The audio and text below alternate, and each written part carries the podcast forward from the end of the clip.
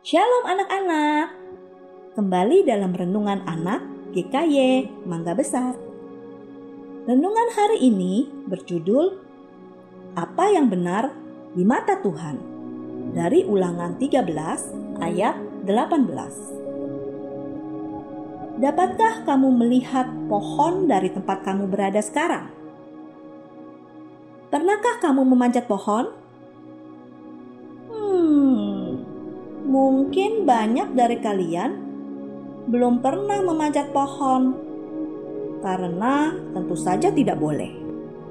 Tapi waktu Lause masih kecil, banyak anak-anak yang suka memanjat pohon. Lause pun pernah memanjat pohon beberapa pohon bagus untuk dipanjat.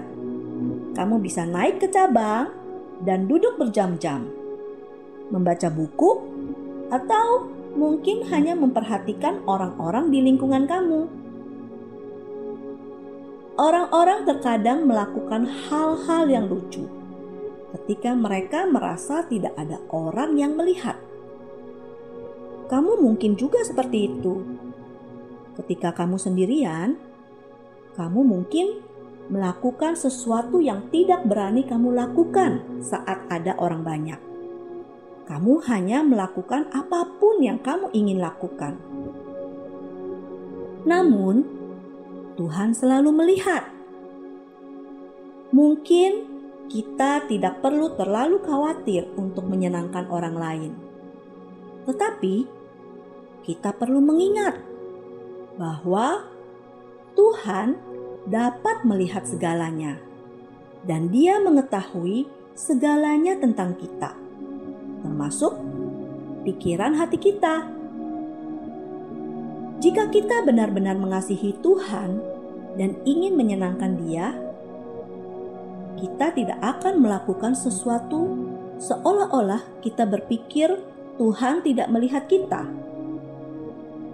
Umat Tuhan mendengarkan suara Tuhan dan mereka menaati perintah-perintahnya. Mereka melakukan apa yang benar di mata Tuhan. Amsal 12 ayat 15a mengatakan bahwa jalan orang bodoh lurus dalam anggapannya sendiri. Tetapi siapa mendengarkan nasihat, ia bijak. Pernahkah kamu mendapati diri kamu memilih untuk melakukan sesuatu yang melanggar perintah Tuhan? Siapa yang kamu senangi ketika kamu membuat pilihan itu? Apakah Tuhan memperhatikan kamu?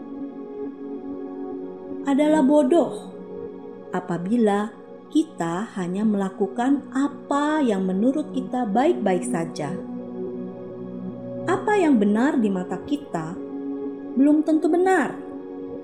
Mengapa? Karena kita adalah manusia, berdosa, dan egois. Kita tidak bisa mendapatkan gambaran yang jelas tentang apa yang benar, kecuali kita memilih untuk mengikuti apa yang benar di mata Tuhan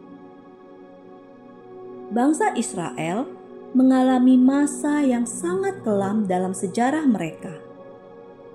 Pada zaman itu, tidak ada raja di antara orang Israel. Setiap orang melakukan apa yang benar menurut pandangannya sendiri. Baca Hakim-Hakim 17 ayat 6. Ketika banyak orang yang menyenangkan diri sendiri berkumpul dan melakukan apa pun yang ingin mereka lakukan, pada akhirnya Tuhan menghukum mereka. Tetapi Tuhan mengampuni orang Israel berulang kali, dan Dia akan memaafkan kamu juga jika kamu menyesal karena berfokus pada diri sendiri dan hanya melakukan apa yang menurutmu baik. Bertobatlah, lakukan apa yang benar di mata Tuhan, bukan apa yang benar menurut kita. Tuhan melihat semuanya, dan kita disebut bijaksana jika kita memilih untuk menyenangkan Dia daripada diri kita sendiri. Amin. Tuhan Yesus memberkati.